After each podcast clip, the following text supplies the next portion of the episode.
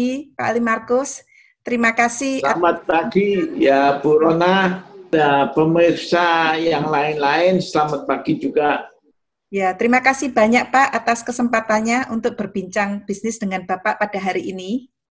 Ya, nah, jadi uh, pada hari ini uh, kita berbincang dengan Pak Ali Markus sebagai CEO dan co-founder Maspion Group. Uh, kita senang sekali Pak Markus berkesempatan untuk bincang bisnis bersama kita dan saya Ronawati Wongso, host untuk bincang bisnis kita pada hari ini. Terima kasih Pak Markus. Uh, ya, sama. Bapak mungkin uh, bisa ceritakan uh, naik sejarahnya Mas Pion dan bagaimana Bapak bisa mendirikan Mas Pion sampai ceritanya sampai hari ini. Mungkin dalam versi yang singkat aja Pak, nggak apa-apa. Karena... Waktu tahun 65, waktu itu kan ayah saya sama paman saya kan pecah sana. Dia kasihkan sama paman saya satu pabrik yang sudah jalan. Terus dia sendiri di sini di logam Jawa. Jadi semuanya itu total. Aset sama uang yang ada itu senilai 2 juta Hongkong dolar Waktu itu ayah saya karena dia pecah sama adik-adiknya, dia khawatir kalau dia usaha sendiri tidak dibantu sama anak-anaknya, dia kalah saingan sama Linjiang, yaitu empat paman saya. Ya, waktu itu ayah saya minta pada saya, Markus, yuk bantu papa ya. Bilang begini, Pak, adik-adik belajar di luar negeri. Saya juga ingin belajar di luar negeri. Hmm. Terus papa bilang, Markus, ini yuk yang barep you harus bantu papa.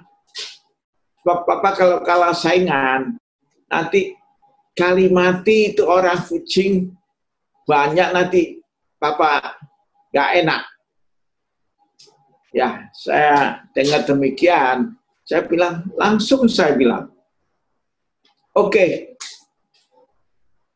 saya dalam hati saya pikir, saya sekolah pun hanya diajarin satu tambah satu menjadi dua. Selalu menjadi dua. Tidak bisa menjadi tiga, tidak bisa menjadi sebelas, tidak mungkin menjadi minus. Dan di sanalah. Tapi di dunia yang nyata, yang persaingan begitu ketat, tentunya bisa berubah sekali Nah, di sanalah saya oke, okay, saya pun juga sambil kerja, sambil belajar.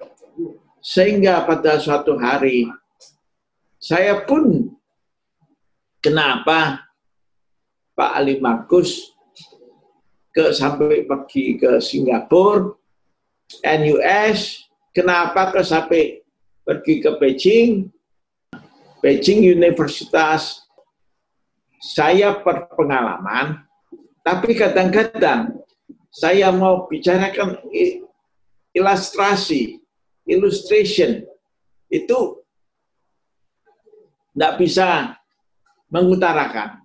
Jadi dengan sekolah universitas, saya hanya untuk supaya omongan-omongan itu bisa ilmiah, bisa tepat, bisa orang bisa ngerti di sana. Jadi di sanalah saya belajar. Ah, satunya Tsinghua University di Beijing. Jadi tiga university yang saya belajar. Itu pun juga saya tidak ambil English. NUS itu ada English. Karena Chinese ini adalah bos-bos pengambil keputusan, bukan profesional. Nah, Setelah itu kembali, saya pun mengatur apa itu corporate culture. Corporate culture simbolnya Mas Pion adalah tiga tahun. Tiga tahun, tahun yang pertama itu adalah STM. Nomor satunya impossible. Satu orang pun bisa mengatur, memimpin begitu banyak. Sehingga itu pun masing-masing ada SBU, Strategic Business Unit. Jadi saya memang bikin masing-masing unit itu bisa ketahuan mas, PT ini unit apa yang rugi secara detail.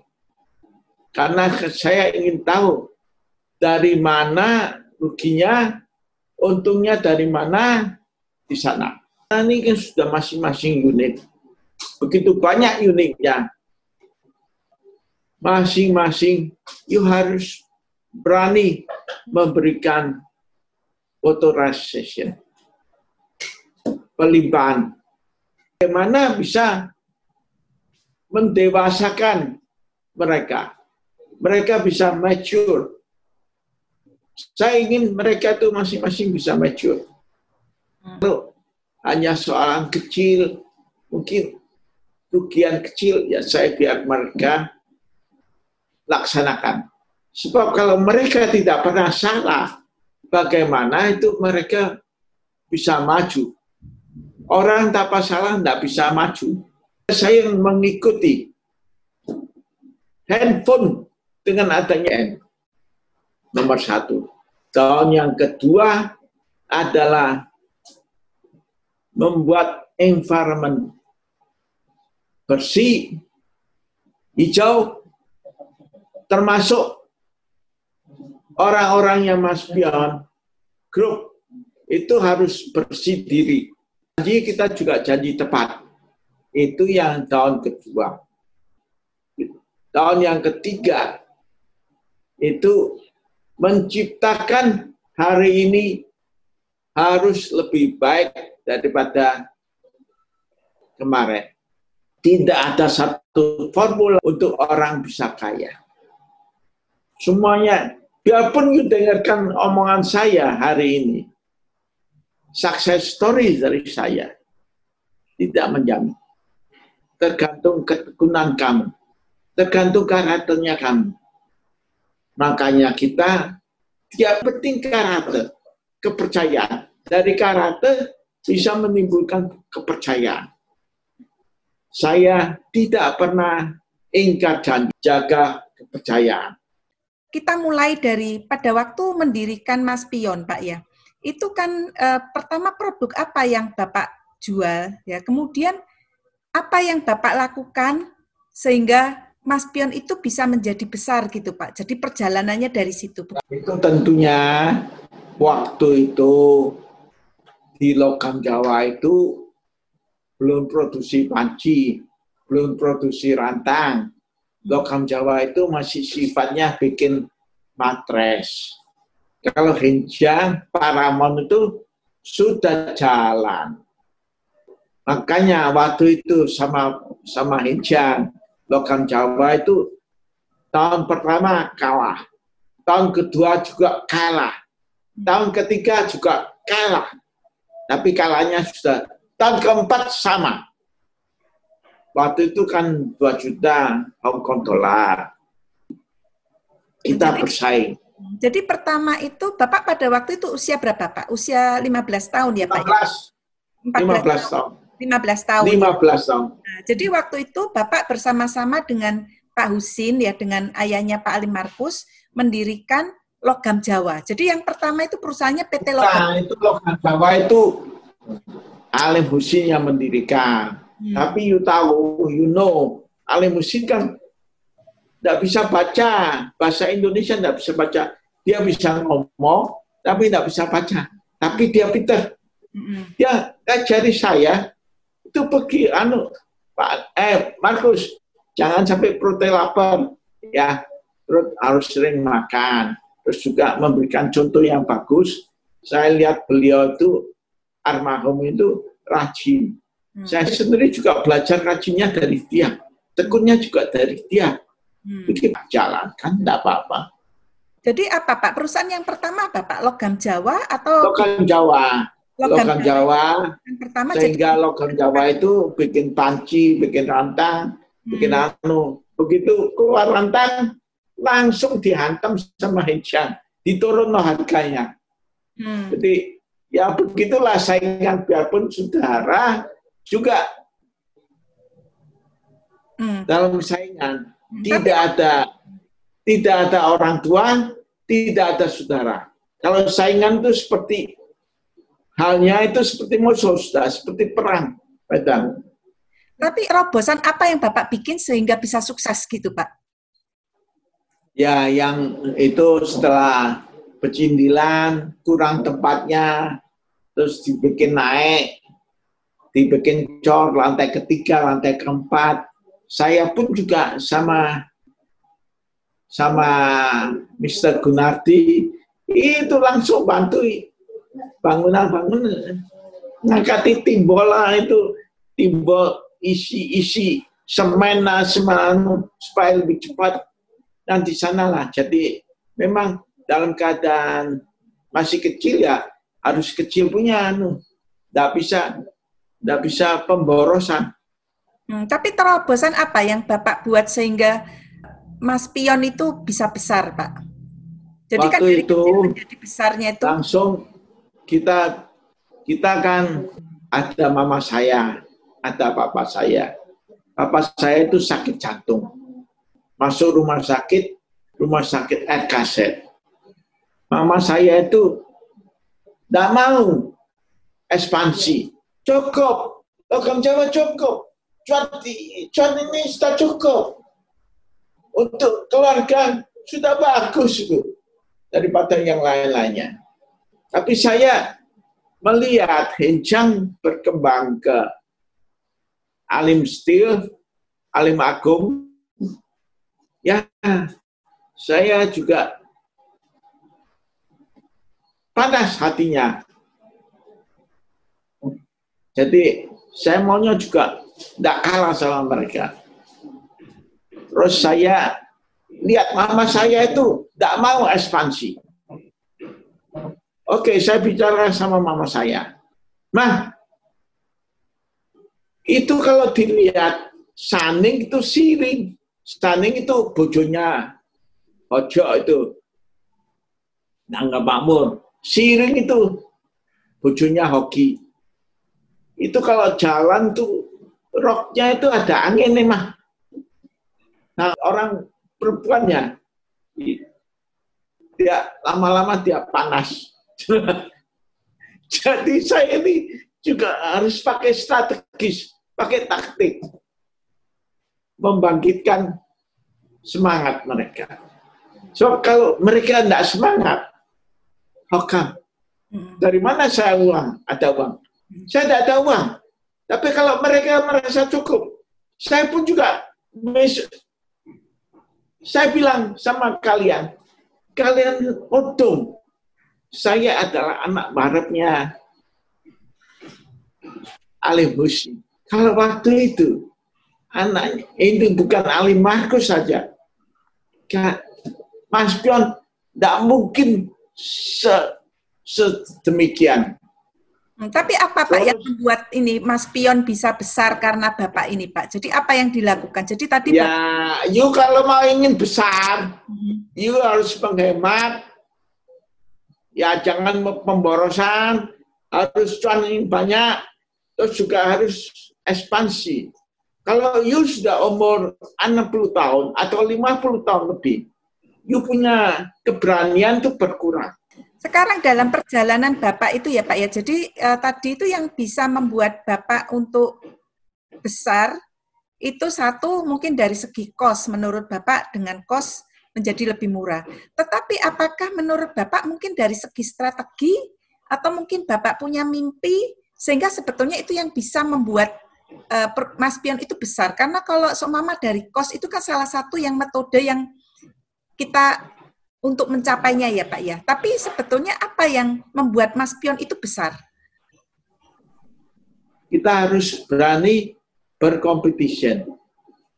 Kos segalanya itu harus bisa menekan kos. Dari max production juga harus bisa. Dari promosi, dari efektif, eh, dari logistik, dari pemasaran, harus pandai-pandai bagaimana cari peluang. Ya, if you cannot start your cost, so eventually you will be die. Karena semua, tapi kita ini beruntung karena waktu 40 tahun, 40 tahun yang lalu itu pernah itu kipas angin, setrika, saya itu tidak ada untungnya. Tapi saya ekspansi terus. Market share-nya saya bikin besar. Selama untung itu saya lihat, itu adalah rugi dari depresiasi. Rugi dari depresiasi itu berarti tidak ada pendaraan keluar. Tidak ada cash out. Sehingga saya sampai rugi tujuh tahun. Sehingga waktu tujuh tahun, tahun ke-8, tahun ke-9, uangnya itu kembali semua kerugian. Sehingga market share-nya kita sangat besar. Dalam keadaan besar ini, ya kita bersyukurlah. Dan lagi dengan saya masukkan di TV, di TV, Metro TV, saya ciptakan. Itu ide dari saya sendiri. Cintailah produk-produk Indonesia. Waktu itu puranya kita itu adalah Soeharto. Soeharto itu bicarakan Pak Limakus, Mas Pion, uh, prestasi Indonesia. Coba, Mas Pion prestasi Indonesia sama cintailah produk-produk Indonesia. Itu orang Orang anak kecil pun juga bisa demikian. Itu bahkan, coba Soeharto aja bicarakan bahaya dari barang import. Sekarang aja, zamannya Pak Jokowi, bangga Indonesia.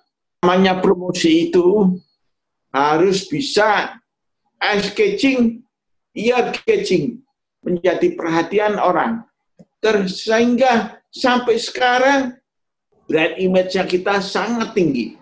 Brand awareness-nya sangat tinggi, sangat luas. Sekarang ini brand level. Demikian. Mimpi Bapak untuk Mas Pion itu apa, Pak?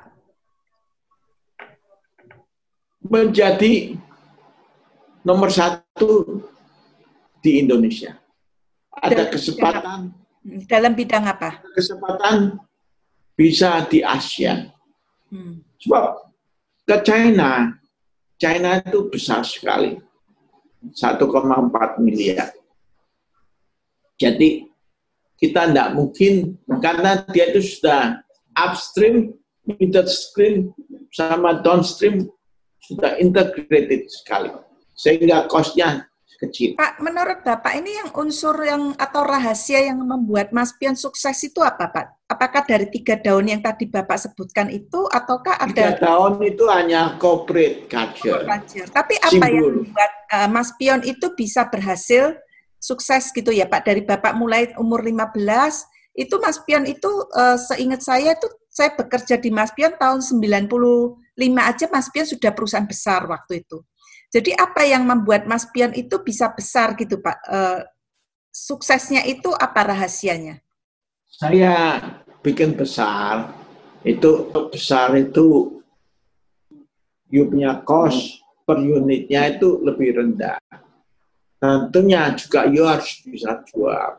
Ambil opportunity. Nah, sehingga saya pun juga bergaul begitu banyak. Karakteristiknya juga anu. Saya pun juga, you lihat di sosial media, koran-koran. Oh, Pak Limakus nyumbang ini, nyumbang ini, nyumbang ini, nyumbang ini. Mungkin ada 10 kali lebih.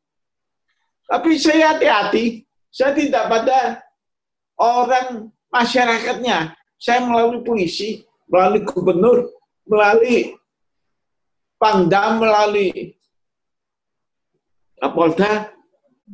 Habis yang lainnya nyumbang, tapi tidak berani muncul. Ya. Pak, ini karena keterbatasan waktu ya Pak ya, mungkin Bapak bisa memberikan kayak uh, kiat sukses Pak untuk orang-orang yang baru mulai bisnis gitu Pak. Jadi supaya mereka itu bisa baru mulai mulai bisnis hmm. itu harus menghemat. Hmm. Harus menghemat melibatkan keluarga keluarganya, anaknya. Jadi dari kecil-kecilan akumulasi modalnya sehingga menjadi besar. Ya, jadi mengal apa lagi Pak ya? Jadi di, tentunya itu pun juga caranya itu banyak sekali. Seperti ayah saya itu dia dulunya itu sama Sarkono beli itu beli itu sarangan yang kuningan. Dia bikin ayaan. Ayaan itu dia ukur sendiri. Satu lembar ini bisa bikin berapa kalau diginikan, ginikan bisa lebih banyak enggak? Dia ceritakan sama saya. Atau saya dengar dia kadang-kadang itu dia enggak sengaja ngomong-ngomong gini, kita di pinggir itu harus mendengarkan supaya masuk sek gitu. Hmm. Nah, terus di di di itu dikasih slip. Ini di sinilah tepatnya. Sebelumnya dia juga dia tidak kasih tahu saya. Cuma saya dengar-dengar dia ngomong-ngomong. Dia itu pernah ke kampung eh, ke rumah-rumah rumahnya orang Belanda. Dulu kan pakai pompa, pompanya gini. Hmm. Ya, pompa air. Dia itu tok tok tok. Tuh, saya saya dengar Yus ini ada pompa yang mau dijual. Dia berani begitu. Saya nggak mau, bukan sini, sana lah. Ya itu namanya kan nggak usah takut malu, nggak usah anu. Dan di sana lah harus berani. Itu kecil, ya. Cuma di kecil di sini ini kita sudah mulai ada mimpi satu juta UMKM, ya saya besarkan UMKM itu menjadi masukan pasar. Masukan pasar ini saya libatkan juga bisa bayar PLN, bayar PDAM, bayar, bayar telepon, bayar gas, lain-lainnya. Juga bisa simpan pinjam. Berani menggrab, grab, grab.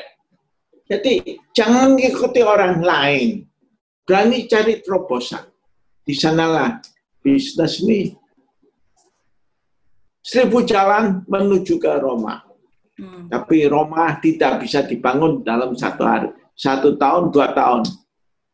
Ya, di ya. sana harus tekun berjangka panjang. Setelah kita untung, kita juga harus sosial bisnis. Jangan bisnis dijadikan sosial Bisnis is bisnis. Apalagi yang orientasi ke bisnis, orientasi ke profit, harus tujuan profit. Dan juga diukur sendiri. Masa depan 10 tahun saya di mana? 5 tahun saya di mana? Saya saya targetkan sama mereka. Kita kalau pakai pegawai, kita lihat itu salahnya berapa persen, yang itu berapa persen. Dia itu ada nilainya, nilainya berapa. Ya, di sanalah. Terima kasih banyak ya Pak Markus. Saya Ronawati sebagai host. Mohon pamit. Terima kasih banyak atas kesempatannya Pak Markus. Oke, okay, thank you.